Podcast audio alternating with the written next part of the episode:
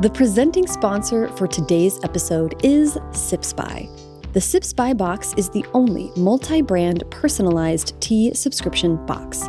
What happens is, first, you take a survey and let Sips By know your flavor preferences, caffeine tolerance, dietary needs, and whether you'd like bagged or loose teas or a mix of both.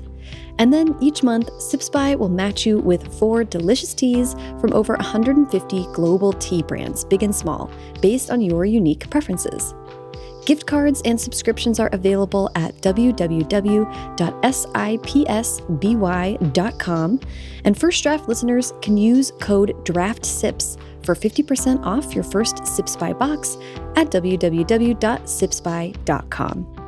The other day, a friend was over visiting in the afternoon, and she was like, Oh, yeah, I could definitely go for a cup of tea. And I jumped out of my room, ran into the kitchen, and was like, oh my God, let me show you what I have. Um, Sips By has been sending me teas for months, so I was able to bust out all of my different options with various caffeine levels and flavor profiles, and got out my kettle, and it was just like so romantic.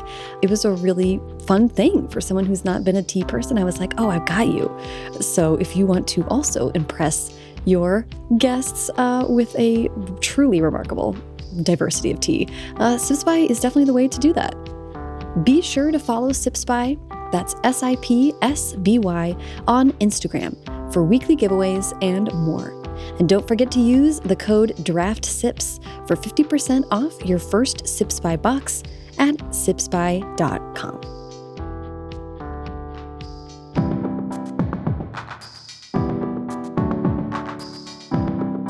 Welcome to First Draft with me, Sarah Enni. This week I'm talking to Lamar Giles, author of acclaimed YA novels Fake ID, Endangered, Overturned, Spin, and Not So Pure and Simple. He joins us to talk about his middle grade series, The Legendary Alston Boys, which started with The Last, Last Day of Summer. I love talking to Lamar. I'm so glad to have him on the show finally. And he had some wonderful things to say about what it meant for him to be growing up as a young black boy who loved comic books and genre novels, and the gift from his mom that made the single biggest difference in his young creative life. He has so much wisdom to share about his publishing journey, including how IP kind of stepped in to help catapult him to another level, and why at this point in his career, he feels like it's his job to tell the truth about publishing shenanigans. A lot to learn in this episode. If you enjoy First Draft, there are a lot of ways to support the show. First and foremost, by joining the First Draft Patreon, where for 5 or $10 a month, you'll get access to an exclusive community forum monthly video chats with me, 15% off all first draft merch, and I'll give you a shout out at the top of an episode, like right now. Thanks to Chelsea, Katharina, Natalie Wandrup, and Nicole Wickler for joining the Patreon and supporting the show. If you'd rather just donate directly to the show, you can do that at paypal.me slash firstdraftpod or on Venmo. The show is on there at First Draft Pod. The show notes for this and every episode are packed with links to everything the guest and I talk about, and that's a great way to support the podcast because First Draft is an affiliate of bookshop.org. So whenever you buy a book through a link on firstdraftpod.com or just in the First Draft Bookshop store, part of your purchase goes to support the show and part goes to support independent bookstores, and that's all at no extra cost to you. Also, check out the First Draft merch. Last month, we introduced the Jon Klassen collection. Jon Klassen is the author and illustrator of I Want My Hat Back and This Is Not My Hat. I've had him on the show a couple times. He's wonderful, and he drew us this amazing podcast loving dinosaur. And you can get a tote bag or a sticker or a t shirt with that on it. Every purchase of all merch directly benefits the show. And there's free ways to help too subscribe to the podcast on whatever app you're listening right now, and leave a rating and review on Apple Podcasts or Spotify. Spotify just rolled out ratings, so you can help the show out a ton if you are a Spotify listener by just going to the homepage, looking for the little star logo, and tap that. It will really help the show a lot. And sign up for the First Draft newsletter to be sure you never miss an episode and hear about news and upcoming events. Whew, okay, now, please sit back, relax, and enjoy my conversation with Lamar Giles. So, hi, Lamar. How are you doing today? I'm great, Sarah. Thank you for asking and thank you for having me. How are you? I'm doing well. I am so excited to finally have you on the show. I've been meaning to have you on the show for a long time. So let's get into it. I'm yes. so excited to talk about your middle grade series. But before we get to your most recent stuff, I'm going to take us all the way back and hear about you and growing up. So I'd love to hear about where you were born and raised. I was born and raised in a town in central Virginia called Hopewell. Uh, Hopewell is a factory town. So a lot of industrial plants when I was growing up. We um, made tires. There's a big chemical plant that makes like the chemicals people use to clean their houses. Mm-hmm. Uh, and my mom worked in a plant that made industrial film. And for a long time, I didn't know what that was. And I asked my mom when I was young, and she explained it's like the material that used to be and maybe still is in like potato chip bags or like oh. the the basis of what Kodak film used to be. So my mom worked in that plant for 32 years and Hopewell was, like I said, industrial. And we also were next door to Fort Lee, which is an army base. Mm-hmm. So growing up in school, it's like everybody's parents were either working at the plants, teachers, or in the military. That's sort of the world that I grew up in. And my mom was always very adamant that her children not end up working in the plants. Mm-hmm. They were good jobs to have. She was happy to have it. It helped her put a roof over our heads. But she was always like, work on your mind so you don't have to be on your feet all day. You don't have to beat your body up. Her thing she'd always say was, work on your minds. So when it's your time to go out and make a living, you can at least have air conditioning. That's pretty good advice. Yeah. It, it, it was excellent advice. And she was just big on us always reading because she felt like in order for us to work on our minds, the way to exercise your mind was to have books. And she had this thing where it was like if we went into a store and asked for a toy, you almost never got it. That's special occasions. But if you asked for a book, you always got the book. This was very expensive though. Like we we learned to take advantage of this, and so she started saying, "Look, no more stores. I'll just take you to the library, drop you off. You can read all day, bring books home." And that pretty much was the birth of me falling in love with writing. That's amazing. Well, you you preempted my next question, but the the reading and writing is growing up. I'd love to hear about well, first of all, I do want to talk about what you were reading because I understand you were a really big comic book fan, which I which not everybody who's been on the show is. So I'd love to hear about what got you into comics and what were the ones that you um, stuck with all through your childhood. Bottom line, Spider Man. Spider Man got me into comics because my mom said, like, it, you know, and maybe this is one of those ingenious things of the way they designed his costume. But my mom was like, even before I could read, I would point to the Spider Man comics. I knew who he was. I was like, I want Spider Man comics. And she would buy them. And I couldn't read the words, but I would just go through and flip through the pictures and see him punching Dr. Octopus and just always knowing who these characters were. There's like at least three Halloweens I had a Spider Man costume on. I could still find those pictures. That's and, amazing and and it just evolved from there. Like I really loved adventures. I love like science fiction, magic stuff, and that evolved into liking like the Phantom Tollbooth, the Bunnicula books, Choose Your Own Adventure, whatever the fantasy science fiction ones were, mm-hmm. and I was reading so much that I end up leapfrogging into like adult books, and that was just Stephen King. And so by the time I was in second or third grade, I was sneaking misery to school in my backpack, and just evolved from there. Yeah. Yeah, I did the same thing. Stephen King a little too early. yeah, yeah, uh, yeah. It's kind of a mark, I think, of a lot of people who grew up reading books are like, whoa. And then uh, you know, I always say King is like the the father of a million writers. I mean, his his impact on I mean, he was literally the most popular author in the world for a time, right? Yeah. And I think about where I grew up, it was before we had access to like a mall and bookstores. Right you, you, go to the grocery store, you could always get a Stephen King book. Mm-hmm. Stephen King and Danielle Steel. I just sort of skewed towards Stephen King. Uh, I love the alternate universe where Lamar Giles read only Danielle Steel. yeah, in the multiverse, there's a romance writer having this conversation with I you right it. now. I love it. That's so funny. Well, I want to talk to you about because you've written about this elsewhere about not finding stories that feature black, especially boys, um, when you were young. And I want to hear about that, but I'm also just as you're talking, I'm realizing that that might be part of the appeal of superheroes is that for a lot of the time they are just a superhero, just a person without even necessarily a gender when when they're in full get up. You know what I mean? That's I don't know I, what I, you think about that.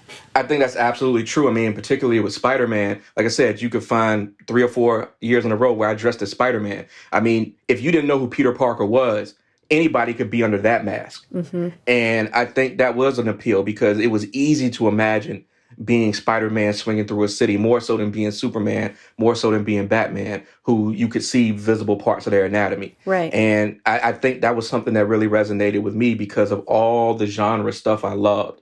It really used to bother me and make me self-conscious to be reading it because you couldn't see people that looked like me in it. I could feel that in my neighborhood. Like it wasn't popular to be walking around with a comic book or a Stephen King novel. And mm. it it it wasn't so consequential in early years, like say elementary school. But once we get to middle school and people's personalities are starting to take effect and people are jockeying for like power positions, mm-hmm. um, it sort of made you a target to be the black boy walking around with a quote unquote white boy book. Mm-hmm. And that that led to some misery in my middle grade years. And then going into high school, I was I learned enough to know how to sort of hide my inclinations, like, you know, mm-hmm. not be so visible with the comics, not let people see the Stephen King book. I just leave it at home. Mm-hmm. And that made getting through high school uh, much easier. But it also set in me that if I ever got the chance to do this, I was going to try to create the characters I didn't see because in my mind, maybe I can make it easier or safer for my readers if the characters look like them. Yes, a hundred percent. Um, and we're gonna we're gonna come back to that point, but I do want to ask about how lo loving genre so much. I, like I said, I wasn't a comic book person growing up, so kind of like trying to wrap my head around comic books as an adult was so interesting because there's such a plasticity with storyline and character. Like comics are so willing to be like, scrap all that. We're gonna go back and just give you a whole new version of this. Like, I I really admire it and I just think it must have informed what kinds of stories you wanted to tell and how you even thought about the rules of storytelling. Oh yeah, I mean, I always thought it was super neat that you could pretty much drop into a comic book at any time. You may not really get what's going on in that book, it, or at least what happened before. There may be little footnotes to tell you go back and look at this issue, mm-hmm. but it wouldn't be long before some reset happened, and you would be as knowledgeable as you needed to be. Mm-hmm. And I think someone who really kind of turned me on to it was George Lucas, uh. where when he made Star Wars, you go and watch that movie, he made it intentionally to seem like this world had existed for centuries before you got there. Mm-hmm. And that's okay. Like mm-hmm. you just really need to pay attention to what's happening now, and we'll get around to all that other stuff later. And um, mm-hmm. and, and I think in my middle grade books, that's part of why like the first book in the series is like it is when you drop in and you meet otto and Sheed for the first time you get the sense they've been on dozens if not hundreds of adventures they've already got, got there. two keys to the city they got two keys to the city but wiki and lean have more that's a whole other thing we're going to talk and, and I, I love that idea I love the idea of this world being an, an expansive place that has a past you don't know yet, so that past can be anything. And, you know, and hopefully we get to see more of what the future holds. Oh, Lamar, I love what you're saying. And I was just talking to another friend of mine who writes uh, space fantasy, kind of Star Wars esque things. And she and I were talking about being frustrated by, I'm trying to think about, I'm trying to think about how to phrase this because I don't want it to be a gripe, but it is kind of a gripe that I have for gatekeepers, not for kid readers, but for gatekeepers of kid readers. Because you and I, like, I didn't read comic books, but I read fantasy and sci fi constantly growing up. And there is a way of reading those stories where, just exactly like you said, you don't expect everything to be answered for you right away. You're kind of picking up clues like vocabulary, talking about other planets, the space system, whatever. And you just don't need all the answers right away. You kind of can suspend disbelief and build it in your own head over time. And I think there is some grumbling about, like, well, it needs to be clear for the reader and kids can't keep up with this. And I'm like, no, like kids are so smart. They want it to be dropped right in the middle of something. I agree 100%. And this is stuff I've pushed back with on editors before. Um, in, in those inevitable conversations when you're trying to clean up a book, I, I'm like, I'm, I'm confident a kid picking up my book can infer what's going on in this scene and what happened before. And if mm-hmm. not, I'm happy to have that conversation with them if they should ever pull my card on it. And it's never happened. I've never had a situation where someone's like, we just didn't get why Otto and Sheed seem to be talking about these things we don't really explain later in the book. Um, I think part of it is uh, most of my readers at that age have now been indoctrinated into things like the MCU, Mhm, um, mhm. things like the DC animated universe. Like they have access to so much stuff. And also, I feel like the old guy saying this, but I've, I've been recently told that these readers don't have any problem hopping on YouTube and looking up um, explainer videos. Look, Right. You know, and, and- Totally. and getting, they can find the information. Yeah, and they can they can find it and they can use their own imagination, right? Yes. That's like Yes. That's the whole thing. It doesn't need to be like crystal clear spelled out with a bibliography. It's just like just have fun, get into the story and enjoy it. Yeah, yeah. I mean, it, it, particularly with Logan County and the Alston Boys books, I always imagined it as more of a sandbox. Like, mm-hmm. you know, I, I honestly have like a grand plan that I don't know if you want to talk about now, but I really would love thinking that my readers could go out and make up their own Logan County stories and just go wild with it and have Otto and Sheed doing all sorts of things. They maybe they can make up previous adventures or new adventures. I really would love to know kids were having that level of fun with it. Oh, that's amazing. Okay, we'll definitely put a pin in that and come back to that because I would love to hear. I love all grand plans and schemes, but um, I'd love to hear about actually um, actually starting to write yourself. When did you start creative writing, and how did that kind of develop as you went through high school? Uh, so I first started writing when I was in elementary school, and the reason it came about is that um, we had this thing many years ago. It was a young authors contest where you got to write and illustrate your own book, and like you can make the cover. Like they gave us pieces of cardboard and all kinds of craft material, Cool. and it was a contest throughout the school. And so the best story would win for your grade. And this was like a revelation to me at the time because as much as I love to read, I never really associated books with real people. Hmm. Like there there were no writers that I knew of in Hopewell, Virginia. Mhm. And so it was almost like books came from gods. The gods dropped them off in the library and we Mhm. got the chance to read them. And so now this teacher saying you get to write your own story. This is amazing to me. And I go, I go, wow. I write this story called Giant Dinosaur Inside, which is about a kid getting a box of cereal that's supposed to have a dinosaur toy in it. And he cheats by not finishing the cereal. And when he tries to pull the toy out early, it's like Godzilla. And it goes on this rampage through the city, and the story won. So I won for my grade. And it was just amazing because it it was the first time I was the best at anything. And, you know, that validation was the spark that kept me going. So I would still play around with making up stories, but it was more like I didn't know this term at the time, but it was like fan fiction. And Mhm. so I was writing stories based on like the Saturday morning cartoons that I loved. And the big turning point for me was reading It by Stephen King. Because I'd read some King up to then, but it was like the biggest book I read at the time. Mhm. And within the Losers Club, Mike Hanlon is a black boy. He's a black boy librarian. And I probably could do a verbal essay on how I think he's the biggest hero in the book for sacrificing his own happiness to stay behind and look out for the monster. But mm-hmm. that made me want to do what King does because I couldn't really comprehend how this guy is writing stuff on a page that makes me scared to go to sleep. Right, right. That I'm leaves I'm like- such an I'm- impact. I'm like, uh, he's got the same access to the same alphabet we have. It's the same vocabulary we have, but he's putting these words together in a way that's like a magic trick to me. And Yeah. so I'm probably like 11 at that time, and I'm like, I want to do this, but not really understanding like as a career. It was more like it's just a neat trick I want to learn, like the way guys on the basketball court would want to do layups like Michael Jordan. I just started working on it, didn't realizing there was any sort of path to a, a, a an adult life. Right. It was just fun. Right. That's so great. And I mean, was it, were you sharing it with anyone? Was it kind of like a secret thing? It.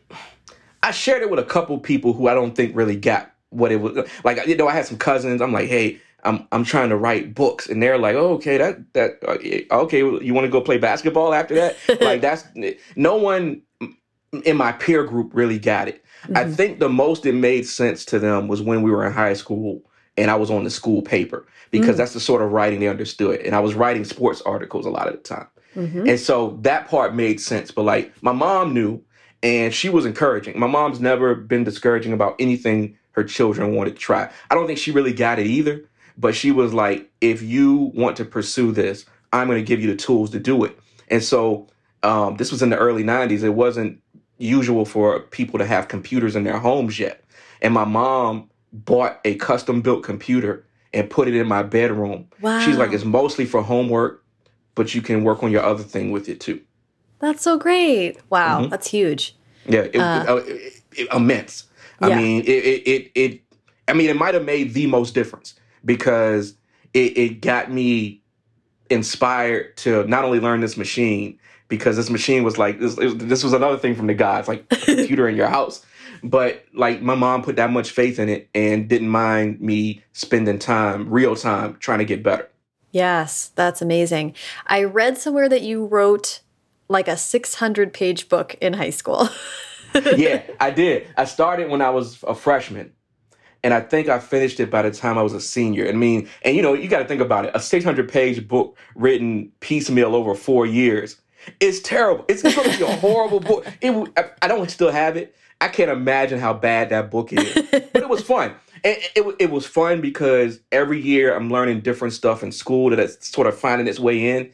And, you know, it's it's the sort of endurance project that makes you realize I can do it again. Mm, hmm I was just talking to another writer about she was noticing in her own life that she was like, oh, I actually love, like, I'd rather run a marathon than a sprint. I'd rather, like, she's like, and she's like, I'm a jigsaw puzzle person, not a, you know, Sudoku. She's like, the longer and more arduous, the better. And I'm like, well, I think that's how we all end up writing novels. yeah, I mean, I, yeah, that, that's a, a very good point. Uh, and I have to agree. It, it, it's funny, though, that once you do it, you know you can do it. And even though, you, I mean, I don't know how it is for everybody else. I feel lost every time I start a new novel. Yeah. But one thing I think about is I did this in high school. Yep. I did it in high school. I did it in college. I've done it, what, like nine times professionally. I can do it again. Yeah. Well, I'm, that's what I was going to say is I'm so impressed that you actually finished it that you like after four years you stuck with the same thing and you got to the end like that's really huge Oh, thank you. I mean, it, it, I, I don't know what drove me other than maybe some deep sense that there was a path to mm-hmm. something else. Mm-hmm. It was just something I couldn't let go. I wish I had it just to laugh. Mm-hmm. Like I can't. I, I really would love to see what that thing looks like now. I don't know that I would ever show it to anyone else, but I'm so happy I did it, and it really was like um, it countered a lot of the stuff I was dealing with in school in the neighborhood because I was spending so much time hiding that I had this thing that I, I was sort of pretending to be a different person mm-hmm. every time I mm-hmm. left the house. And so maybe part of finishing that was just that was actually the real me getting some time to myself. You were you're living the superhero double life. You know, I never thought about it before, but you know, now that you say it, I kind of was a superhero. So yeah, I, will roll with that. I love that. I love that. Um, I would love for you because I understand from going to college, from leaving high school to having your first published novel, there was a lot of stops and starts along the way. So I'd love for you to talk to me about how you took writing seriously and how that developed to lead you to actually getting a book deal. Absolutely. So one thing that happened was I was in school, University, Old Dominion in Norfolk, Virginia, and trying to figure out like everybody else what you're going to do with your life, right? Mm -hmm. And the truth was I really enjoyed technology. But any major that sort of went down that path always had a strong math component. And that's the subject I struggled with most. Mm. And I had confidence issues in that regard. Like I was really self conscious about having failed math classes in high school, the only classes I ever failed. Mm. And so when I would look at the majors I actually wanted to do and saw the math component, I just got scared and ran in a different direction. And so I ended up majoring in communications with a minor in English with no real plan of what that was going to be. And it's just maybe sophomore year, I'm flipping through the catalog because we had paper catalogs back then. And I see you could take a creative writing course. I never even knew that was a thing. And I end up meeting my first quote unquote real author, um, which was a woman named Sheri Reynolds, who had written a book called The Rapture of Canaan, which was an Oprah book club pick back then. So it was a big deal that, that the university hired her. And me going into the room to learn from her felt like a big deal. Still didn't know mm-hmm. it would lead anywhere. And Sheri's a wonderful person, wonderful teacher. I still consider her a friend to this day. And being able to learn and start to understand like you can learn craft lessons and you can read other great writers and pick up stuff from them that you can incorporate into your own writing. I started to play with story again. But still again, not knowing a path was there until I read On Writing by Stephen King. For those who don't know the book, I'm sure many of your listeners do that book's half memoir, half craft. And the craft part is pretty basic, if I'm being honest. It's not like mind blowing, groundbreaking stuff. But the memoir part really opened up my eyes to King's struggles as he was learning to be a proficient writer. And he talked about all his rejections. And this was an amazing story for me because up until then, I didn't really know how you even went about showing people your work that they might pay for. And so, having read that and realizing the process, at least at that time, was still pretty much the same, I was like, okay, I'm gonna start trying to write some short stories and see if I can sell them. I ended up selling the very first short story I ever put submitted. Wow. Um, it, yeah, it was to a it was a webzine back then. We I, I don't even know if that word makes sense to people anymore, but it was a webzine. It was like for five bucks. I never even cashed a check, and I'm glad it happened that way because in my head I, I got an ego about it. I'm like, I sold the first story I ever submitted. I'm about to be I'm about to be king, and and, and it was nothing like that. I sold the first story, and I couldn't sell another story for three years. The next time I sold a story, I was 24 years old. Um, that was to a horror anthology. And then I had a run where I was able to sell a few stories back to back, and then it was dry again. But the whole thing was I was a working adult at that time. At 25, I was married. And as much as I loved adulting, I didn't love my job. Hmm. And I just couldn't see being the person in the office. And there were a lot of them who were like, you know, I don't like it here either, but I just got to do 30 or 40 years and then I'm good. Yeah. So it was like put a lot of energy into this and never follow a dream, or I figure a way to divide my energy. And so I ended up for 10 years getting up every morning at five o'clock in the morning and writing until like seven or so before I had to get up and go to my day job. Mm-hmm. And I was determined to continue to do that until the day I died if I had to, because I was not going to succumb to the bait of just living in my cubicle at my office forever. Mm-hmm. And that process of me doing that, I wrote several novels that didn't go anywhere, but I got better. I got better. I started to understand the business better. Um, by the time I was 31, I ended up getting an agent for what would be my first young adult novel. And then within a year of that, um, that book sold to Phoebe Yeh at HarperCollins. And that got the ball rolling for what would be the career I have now. Yes. Okay. I love that. Such a good pathway. And I do have a few questions along the way, which is first going from short story to longer form. What made you realize that novels were the medium that you really wanted to pursue? Well, I started in high school with novels, E- and everything came back to Stephen King at that point. Stephen King wrote novels and short stories, and I felt like for for you to be a working writer, you had to follow Stephen King. Right. And I mean, I, I and that's that's not necessarily the case, obviously, but it was a good template for someone trying to find their footing. And so, in my mind, for me to be a professional, I had to do the sort of things King did. Mm-hmm. So it was I was dividing time between short fiction, which I was able to get out quickly and try to sell, and novels that I knew if I could get them right, I could sell for more money. And so going through my 20s, it became an idea of like, how can I replace my corporate income? Mm. It wasn't like I was an executive making six figures. So I'm like, if I can just make enough writing money to replace the corporate money, then I could do that. And so that was just always the goal. Mm-hmm. Mm-hmm. That's that's so interesting. And what about I like I'm like just for listeners, I do feel the need to say like replace the corporate money and then also just keep in mind everyone taxes and health Yeah. insurance. yeah, yeah, yeah. You you definitely have to factor in the part the government's going to take, and then the expenses that your job kind of covers for you that you're going to have to cover on your own. So Yeah. like just just getting that straight up dollar amount isn't enough. And Right. I I knew that. And, and and honestly the way I was raised to in the way we tended to work, I probably was going to try to do both for as long as possible. So I was Mhm. going to try to keep my corporate job but try to just bank any kind of writing money that came in. Not that much was coming in. um, that's okay. And I and in a minute, I want to ask about when you were able to start doing it full time, but also writing for kids and teens. When did you start to tune in to what was happening in YA, or think about that as an age group you were interested in writing for? Sure. So the term young adult was not one I was familiar with coming out of college. When I first started to hear it, it was around that time, and I can't remember the exact year, but it was around the time when Twilight was the hottest thing in the world. Mm-hmm. And I keep hearing this term, young adult, young adult. And um, I read Twilight, and it was fine. I mean, it's just not necessarily my thing. Mm-hmm. And I'm like, well, who else does this sort of thing? And I started going down the rabbit hole, and what I ended up stumbling upon was Neal Shusterman. Mm. Uh, I picked up Unwind. Mm-hmm. And when I read that, I was completely blown away. I'm like, this is the sort of stuff that you can do for younger audiences. Mm. Because me growing up, it was like the Bunnicula books, then Stephen King, like nothing in right. the middle. right. And I was just Yeah. kind of blown away by the concepts and complexity of what Neal was doing in that book.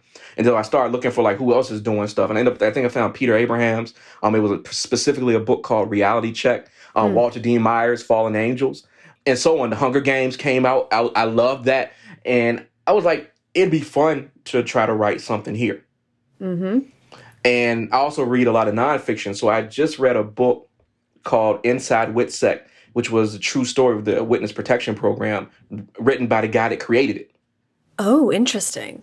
And um, it's a lot of interesting stories there that really inspired Fake ID. So it was the kind of intersection of I want to try to write something for a younger audience, specifically with a black male teen character. Because I Mhm. wasn't seeing that other outside of Walter D. Myers books. Right. And then this idea about the witness protection program, it sort of slammed into each other. And around 2009, I started drafting. It was called Whisper Town at the time. Mm-hmm. Started drafting that, and then you know that's no that rolls into getting an agent the next year and selling the book the year after that. That's amazing. Um, so I'm going to ask you sp- some specific questions about fake ID. And before I do that, do you mind pitching that book for us? Sure. Fake ID is the story of Nick Pearson, whose family is in the Federal Witness Protection Program. He's just moved to his fourth town in four years because his dad cannot behave. And the only friend he makes there, Eli, is murdered within the first month. Nick can't let this ride, and as he starts to dig into what may have happened to his one and only friend, he starts to fear his own father may have been involved. Mm, good job. Usually, when I ask people to pitch something that's been out for a few years, they're like, oh, God. You know, the only reason I was able to do it is because I did an event like a week ago that was fake ID specific. Otherwise, I would have stumbled. I would have stumbled. um, I want to ask about uh, fake ID, as you just uh, described, is like a murder mystery thriller, kind of on that spectrum of things.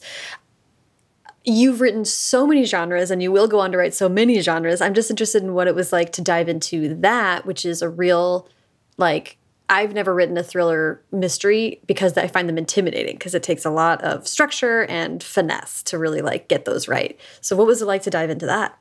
well, it was fun and very intentional because you have to keep in mind that at the time, Fake ID might have been like my the seventh novel I, I'd written. None of the other ones went anywhere.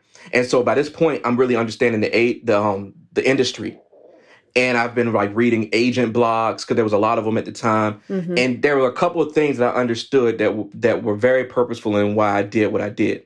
One thing being, I started to get that if the books that were hot at the time, whatever they were, Hunger Games, for example, hmm agents were seeing hundred pictures a week that were just like Hunger Games. hmm Twilight was still hot, I think, because they were wrapped. It was getting towards the end of the series, Yeah. so they were seeing a lot of that that dark fantasy, paranormal stuff. I grew up a King fan, so obviously that's something I would love to write, and I think I have the ability to. But I understood that if I'm trying to pitch stuff like that when everybody else in the world is, it's not going to make it through the filter. hmm And so I made the intentional decision to pivot. I knew I wanted to write about monsters. I'm like, people can be just as monstrous as the supernatural kind. And I can do that effectively in a mystery thriller. That played into the decision to go that way. And I felt confident enough doing it because I, re- I read all the time. And so I was reading like Dennis Lehane, hmm um, other Mr. Right, Peter Abrahams. I mentioned specifically his book inspired me to go that way, Reality Check. And I did this thinking it's something they're probably not seeing much of. So maybe this will be the thing that breaks up an agent's week and makes them want to give me a second look. And I didn't, I couldn't imagine how right I was because where I'd gone from years and years of 100% rejection, when I sent my very specific, very tailored query letter out for Whisper Town in January 2010, by the end of January, I had seven agents requesting to read the whole manuscript. Wow. Yeah. And that had never happened before. But that's because I'd gained enough wisdom about the industry to know this is my best way to increase my chances. I can't just do exactly what I want, but what can I do that's fun for me that's also going to be fun for that reader who can get me through the gate? That's so smart. And I love what you're, I mean, this is just a great piece of advice for aspiring writers who are listening. Like, we hear a lot about people trend chasing, and I like that you're like, no, you got to zig if everyone else is zagging. And that way you get, you at least stand out and people will give you fresh eyes. Absolutely. I mean, and I don't even know I, I think I was getting desperate at the time too. Like I was 31 when we sold Fake ID, Mm-hmm. and I just felt like, yeah, I can keep at this for as long as I have to. But I felt like part of me was burning out, hmm and certainly never ever give up on your dream. But I, I felt like I was reaching a place where I maybe could have. Mm-hmm. And so it was like I got to kind of throw a hail mary pass and see what happens, and it just happened to land. Yeah, yeah, that's so, it's so interesting how often that's those are the things that that pan out or that stand out or you know you just put a different kind of heart into it in some interesting way. Yeah. Yeah. Um so I would love to hear so fake ID then you have endangered it comes out in 2015 and overturned it comes out in 2017.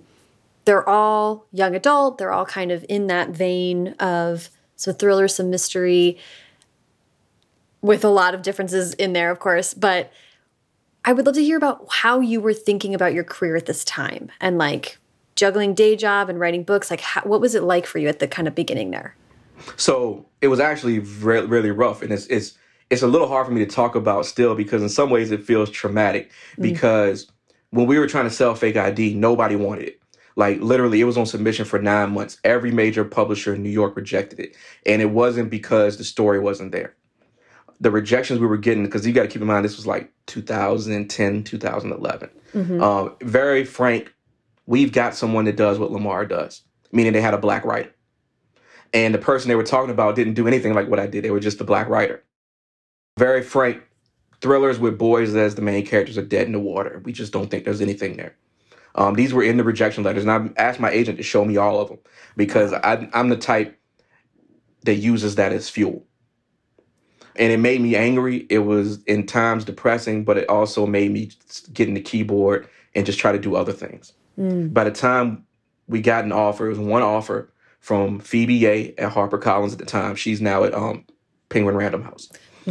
Um, but Phoebe, I always say this: we never say her name enough because she's one editor who had in her roster me. She gave me a shot. Ellen O, who writes tremendous Korean fantasies.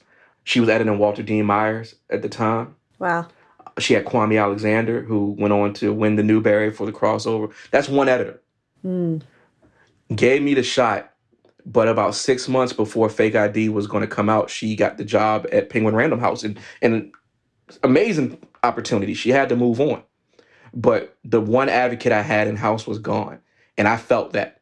Mm. I felt that through Endangered, and even still through Not So Pure and Simple when that came out back in 2019. Right. Um, it was honestly the way things went with Fake ID and Endangered. I thought I was done in the business. Got about as little support from the publisher as you could possibly get.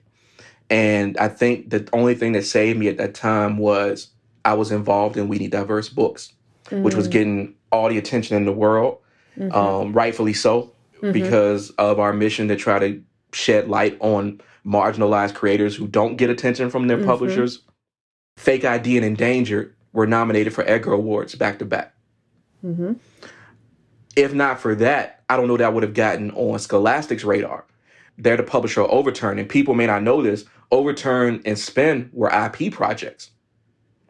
And I'm sure many of your listeners know what IP is, but for those who don't know, IP is basically what you didn't create. It's something that um, came from the publisher, or like, you know, if you get asked to write a Star Wars book, you don't own Star Wars. Right. Right. Or a pub, like in this case, Scholastic would say, like, we have an idea, a rough Yeah. outline, and Yeah. Lamar, are you interested in writing this? Yeah, in, in, in the case of Overturn, it was like a paragraph. It was like it's basically like um, we love to do a book set in Vegas um, where a, a father and daughter are trying to solve a murder or something like that. It, it was very loose. Yeah. Um, and the way things had gone with my first two books, I didn't know much about IP, and I thank my agent Jamie for convincing me to do this because in my mind, not knowing much about it, I thought I was taking a step backward because it wasn't this. It was low, less money than I had gotten for the first two books. I wasn't going to have as many rights.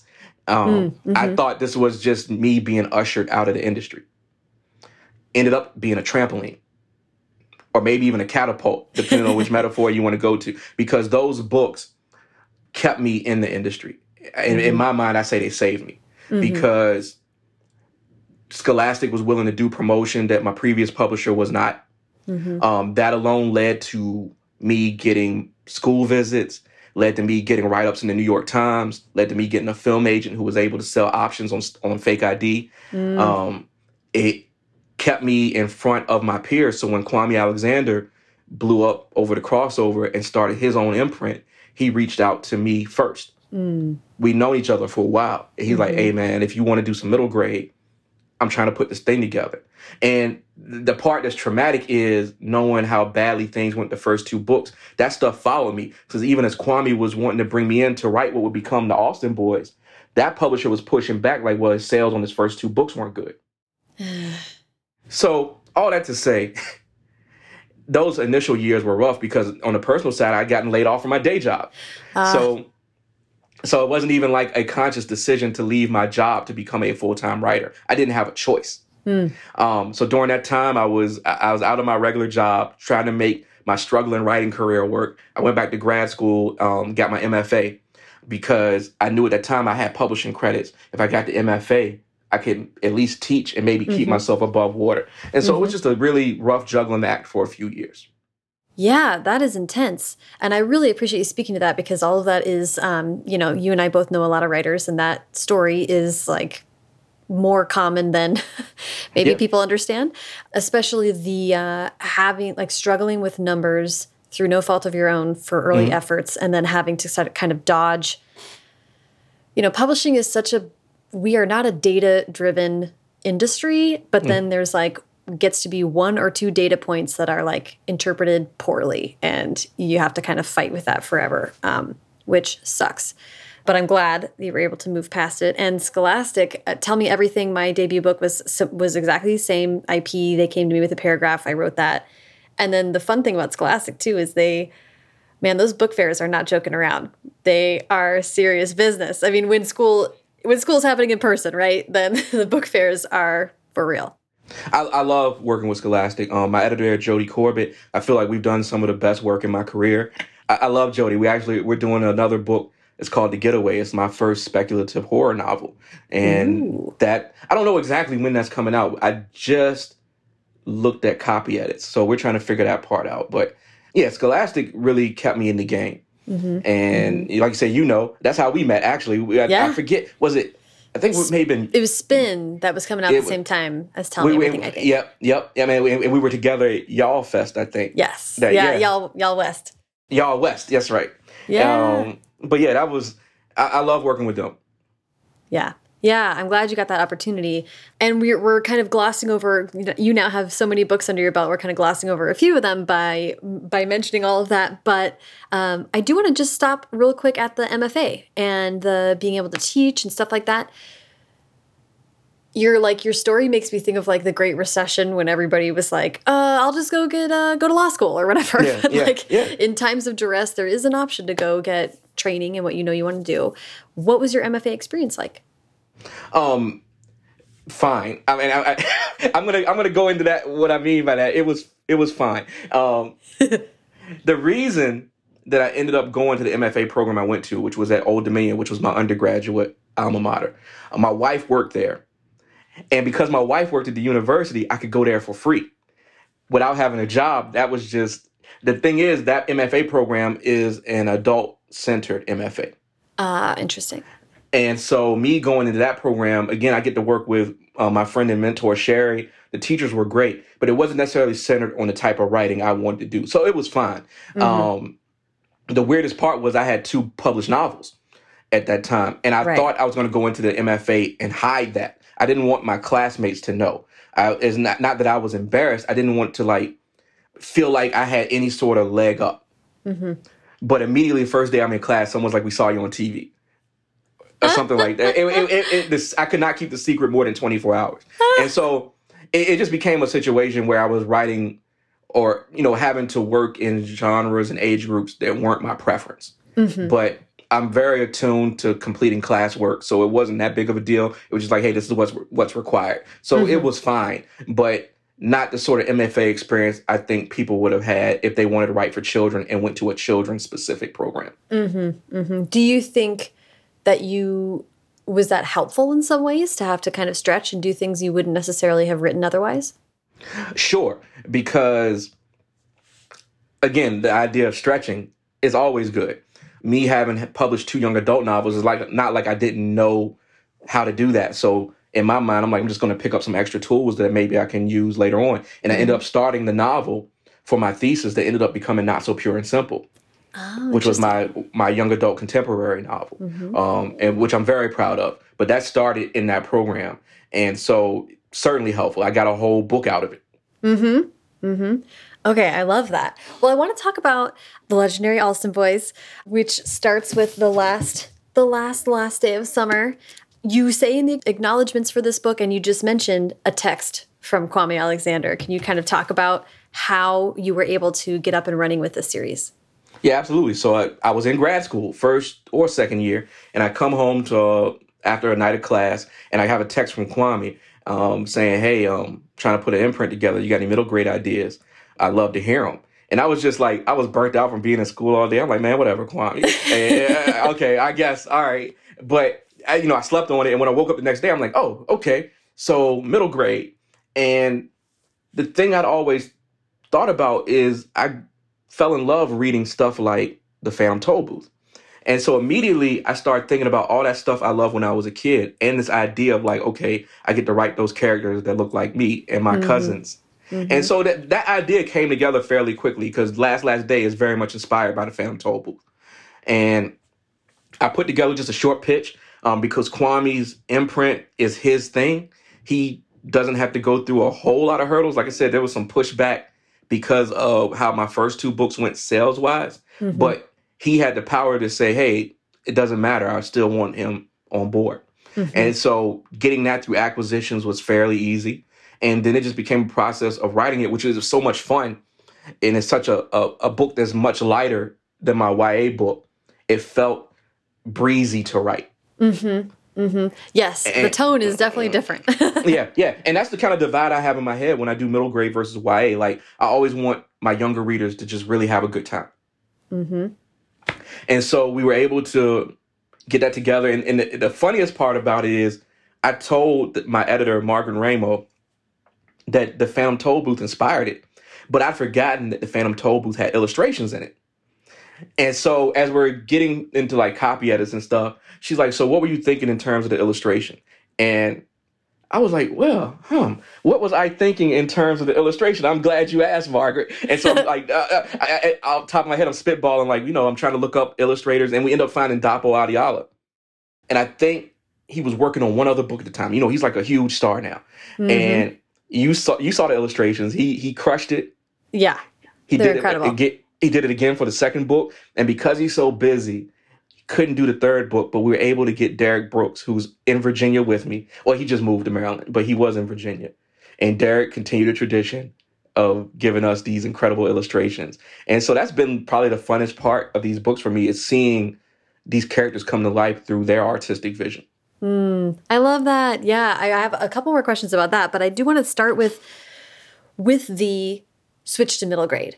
And had you ever considered that? What or did you ask Kwame about like the switching age categories? How did you kind of because it is it, I was, you know, I'm reading the books. I've never tried to read a I've never tried to write a middle grade. And reading them, you're like this is very specific, you know, like you definitely need to have certain things in mind when you're approaching this age category. Yeah, no, I, I'd had thought about it because in my mind, I want to try to write everything eventually. Mhm. Like I, I want to write an adult book. I want to write a picture book. So I'd always had in my mind that I wanted to try various things for various age groups. But when it came to Kwame, it just was it was um just one of those really great moments in time that you can't manufacture because he didn't give me an option. He was like, I want to hear a middle grade pitch it's like if I'm gonna do it, it's got to be that. I've kind of played with the idea. Time to make it a real thing. Yeah. That's cool. I love that. Yeah, sometimes you just need the, the kick, right? Yeah, yeah. I mean, he was very specific. Very specific. I love that. Um the last last day of summer, before I'm going to ask you a lot of questions about this series. So do you mind kind of kicking us off with a, a pitch for that book and also kind of the broader world of of, of Sure, book? sure, sure. So specifically, the last last day of summer is about cousins Otto and Sheed, who are pretty much the supernatural detectives in their town, or at least one team of supernatural detectives in their very weird county. they have gone on many adventures. They've helped many people, but summer's about to end. And when they go back to school, they won't have as much time. And Otto makes the haphazard wish that they get more time. And they are tricked into freezing time by the villainous Mr. Flux. And so now they've unleashed a lot of weird creatures onto their town in this frozen state that they either have to battle or align with in order to unstick time or have their entire community stuck forever. Mm-hmm. And the follow up books, The Last Mirror on the Left, is an Otto and Sheed adventure where they have to chase down a fugitive in an alternate dimension. Um, it has them questioning whether they really understand justice and the fairness of it, or if they're somehow helping to corrupt the justice system. Mm. And then the final book, The Last Chance for Logan County, has the boys seeing some really incredible changes in their world when their parents return. Um, at the same time, an evil corporation comes into town and snatch up all the weirder front property, which is something like waterfront property. It's just weird. and and extra hiccup to that is that Otto's mom works for this evil company. Yes. So love that. I think I, yeah. So I, I, I think I got through all of it all. That's good. Yes, you did great. Um, so funny. Okay, I have so many questions about the series, but I, I kind of wanted to start with um, there was a quote that I read from you. I believe that this was actually in relation to Black Boy Joy, but I think it applies to this series as well. You said, I also remember being the age of the characters we're writing here and feeling there were limitations on what was considered acceptable joy. When I was growing up and I was the age of the readers we're focusing on, the things that were most acceptable were sports and music. Neither of those things I was good at. I remember the most exciting day of the week to me was Wednesdays because that was new comic book day. And reading this book, it was just like, it's obviously a mix up of everything that you find fun and interesting. And it is like not a tradition. I mean, not traditional. You know, it's not sports or music, right? It's Mhm. different. So I'd Mhm. love to just hear about what it was like to kind of dive into that and really get back into that that age category mindset. Well, so you have to understand me going into this book, even though I had the blessing of Kwame Alexander and his new imprint, I've been conditioned to always think I may never get another shot at this. Mm. And so going into the last last day of summer, my entire goal was to make it as strange as possible and throw in every single thing I love or as much as I could and still make it make sense. Mm-hmm. And and that was my because I remember like being that age, as I said in the quote, and really loving like, these super fantastical, goofy adventures. Mm-hmm. Um, I always say my favorite show when I was young was probably DuckTales. oh yeah. And and if you if you know that, once you know that and you go back and try to read through those books, you may start to understand how the, the town of Duckburg was a template for Fry and Logan County. Um, this, this just the wacky, strange adventures that Scrooge, Huey, Dewey, Louie, Launchpad, Webby, all of them would go on. Like it, that's a huge inspiration to what I'm doing here. And my whole mission was just make it as fun as possible, as weird as possible, and still make it make sense, beginning, middle, and end. Yes, I love that. Well, and you're and when you say weird in the true vein of Phantom Tollbooth, it's kind of absurdist and very funny and kind of self-referential in a way that I really and I really enjoy. Um, and I was actually just having I I moderate a book club and we read this book last time that had a lot of absurd humor to it. And I was kind of explaining to them and it was interesting to me you know sometimes you explain things as a writer and you're like oh this isn't obvious to other people. But I was like yeah when you use absurd humor by taking that left that left step out of just literal reality you can sometimes access like truth and bigger questions and and more personal ideas and emotional realities than you can if you just stay in the straight and narrow. And that's kind of what stood out to me in this book is you were sort of by taking a, us out of a regular world, you were giving these two boys like so much freedom to be a little bit more profound in some cases.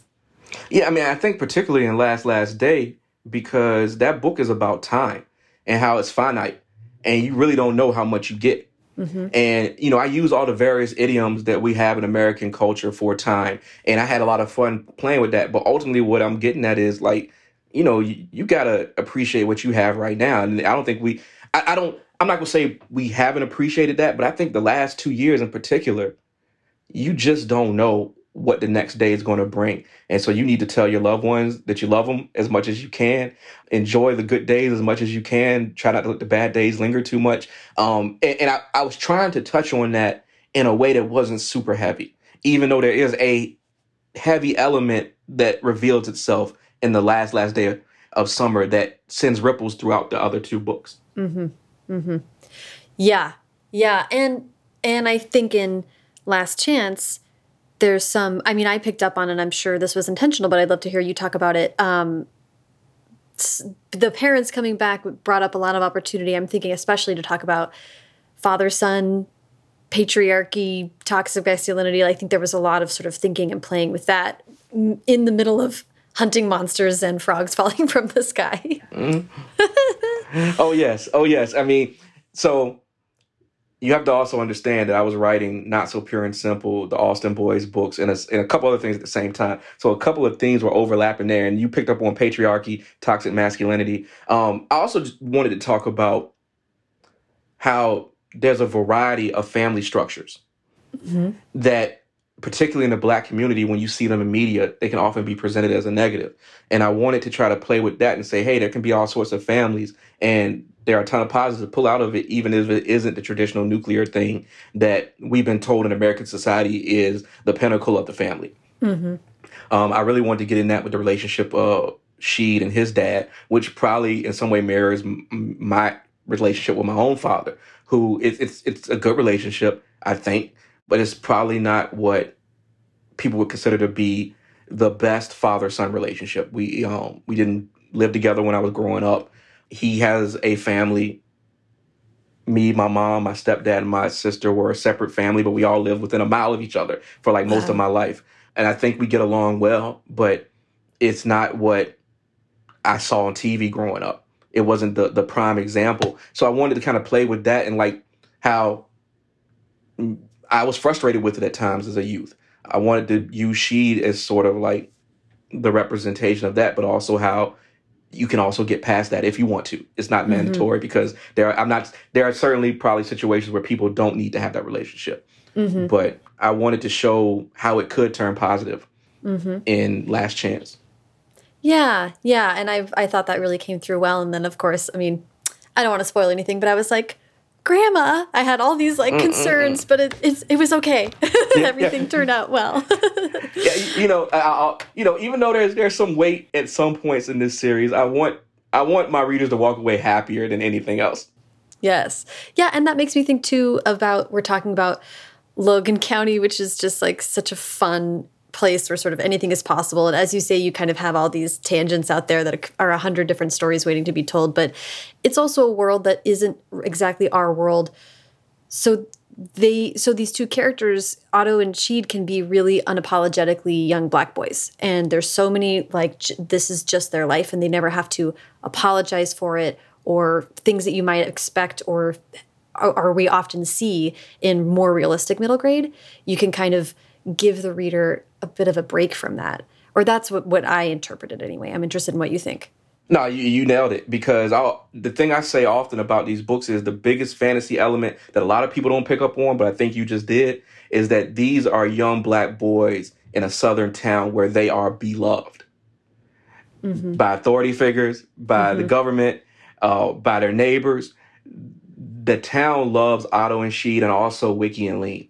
Mm-hmm. And that's a fantasy I really wanted to extend to my reader. Mm-hmm. Because yeah. the truth is, they may not get that anywhere else. Right. And it's really powerful. And it's, you know, it's that kind of like, we get it in Gilmore Girls, right? The star is mm-hmm. hollow, and everybody, and it's sort of like you get this opportunity to be in a different version of that that is so inclusive and really wonderful. And Wiki and Lean, I mean, I could talk about them forever. I'm hopeful that we see much more of them. I am. I mean, this is this is public knowledge, so I don't mind talking about it. I'm actually working on the revision of Wiki and Lean's first adventure right now. Yes, I, am so excited. in my mind, they're the better team, even though Otto doesn't want to admit it. and I always figured, felt like they would get their own adventures outside of the county because I feel like they're they're big enough to justify that. And so I'm working on what I hope is the first book mm-hmm. in in in a Wiki and Lean series. That's cool. Oh my gosh. So this this brings me back to what we put a pin in earlier, which was your grand plan and hoping that readers can imagine or engage with these characters and imagine other things they had. I'm whatever what is your grand plan?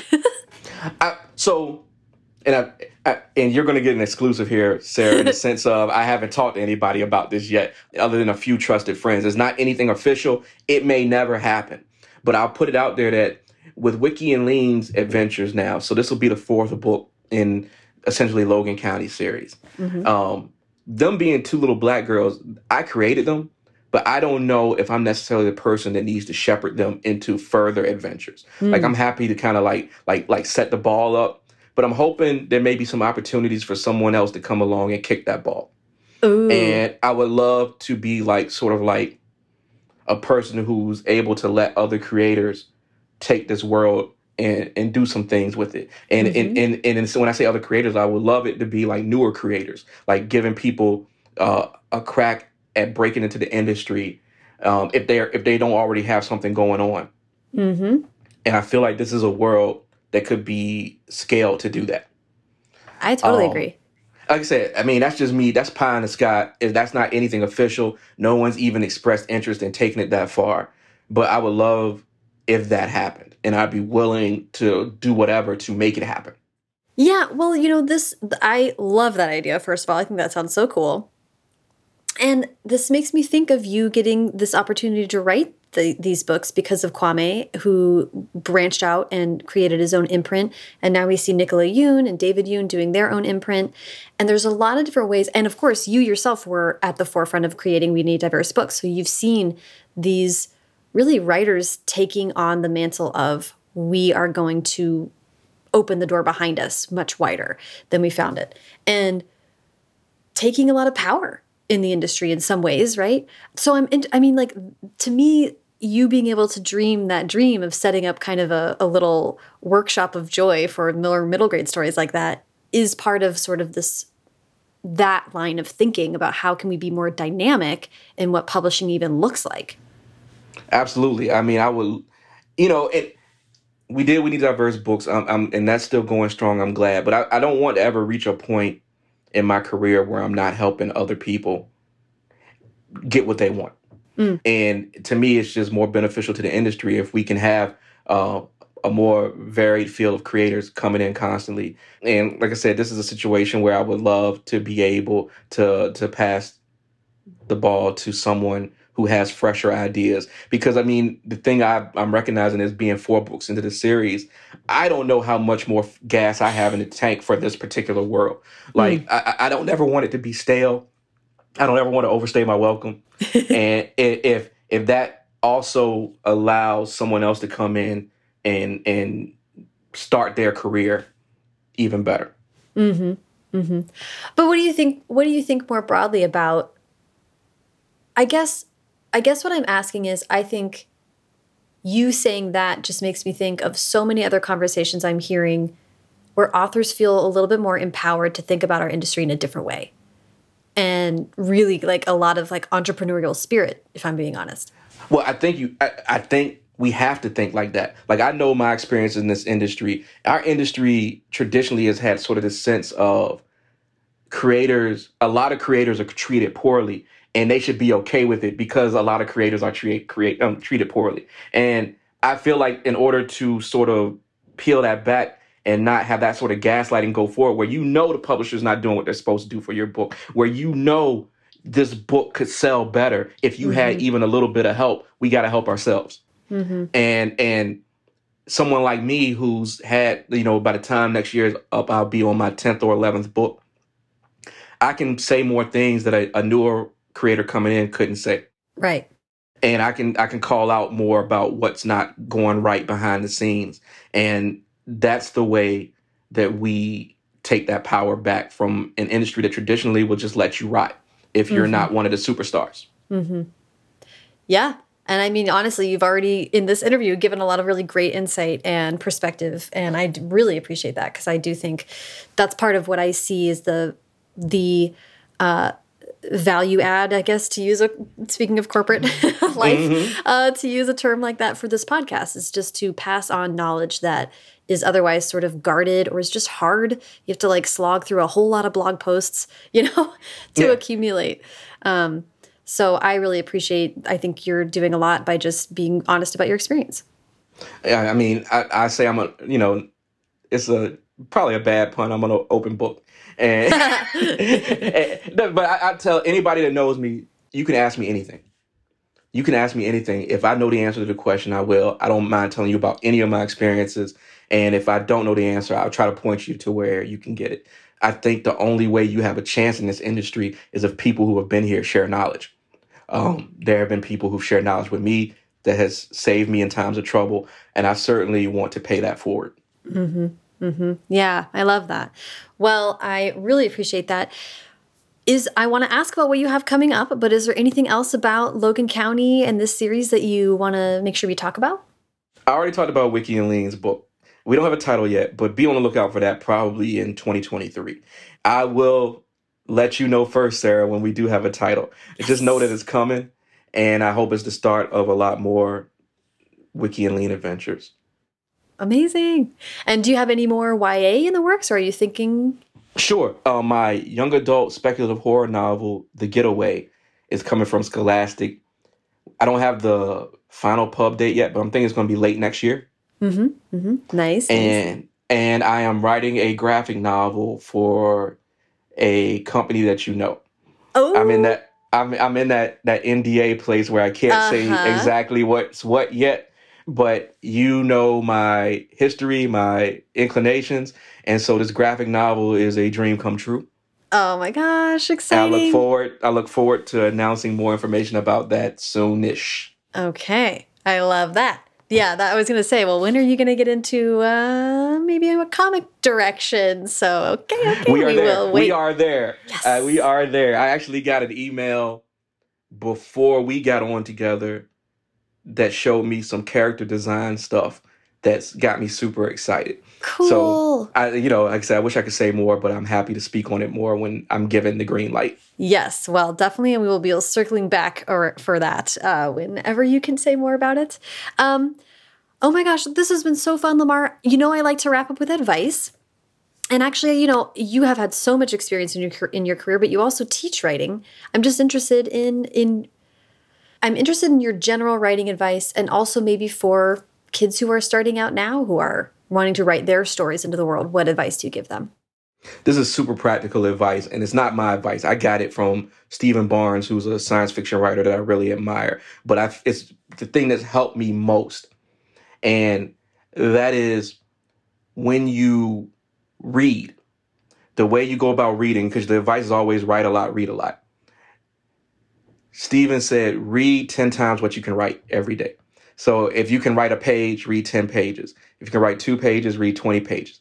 Try to incorporate that daily. And then if you want to be good, read great writers. And if you want to be great, read the legends. And so that bit of practical advice really helped me as I was coming along. And then to add to that, I know the world's a little bit different than when I was trying to break in, but I think Ray Bradbury's advice about uh, write a short story every week is still practical in training. Whether or not you want to be a short story writer or there are markets to sell it to the idea that you're writing something that has a beginning middle and end once a week every week um, i think what ray bradbury said is impossible to write 52 bad stories in a row. That sounds right.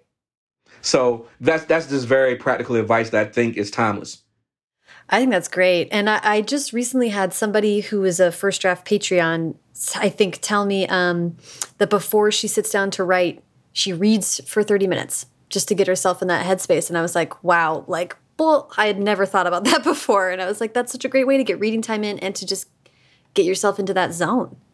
That is excellent. I mean, and and I really like it because it means you're reading with a fresh mind. Like, you know, I've gotten into the, a, a sort of uh, it's a little bit of a bad habit because I have a new baby, so I can't stay awake as much as I used to. right. But I, I, usually tack my reading on at the end of the day, and these days I doze right off. And so the idea of reading first is really good advice because you come to it with a fresh mind. Yeah, yeah. So I was like, "Ooh, I'm going to be adopting that for sure." Um, Absolutely. Oh my gosh, Lamar, this was such a joy. Thank you so much for giving me all this time this morning and congrats on your baby and congrats Thank on you. all the exciting stuff that's happening for you. I can't wait till we're back in back on the road and able to hang out again. I look forward to seeing you in person, but I do appreciate you having me on. I love the podcast. Yeah, thank you. Thank you so much to Lamar. Follow him on Twitter at LR Giles and on Instagram at Lamar Giles. Follow me on both at Sarah Enni and the show at First Draft Pod. First Draft is produced by me, Sarah Enni. Today's episode was produced and sound designed by Callie Wright. The theme music is by Dan Bailey, and the logo was designed by Colin Keith. Thanks to social media director Jennifer Nkosi and transcriptionist at large, Julie Anderson. And as ever, thanks to you, writers living that superhero double life, for listening.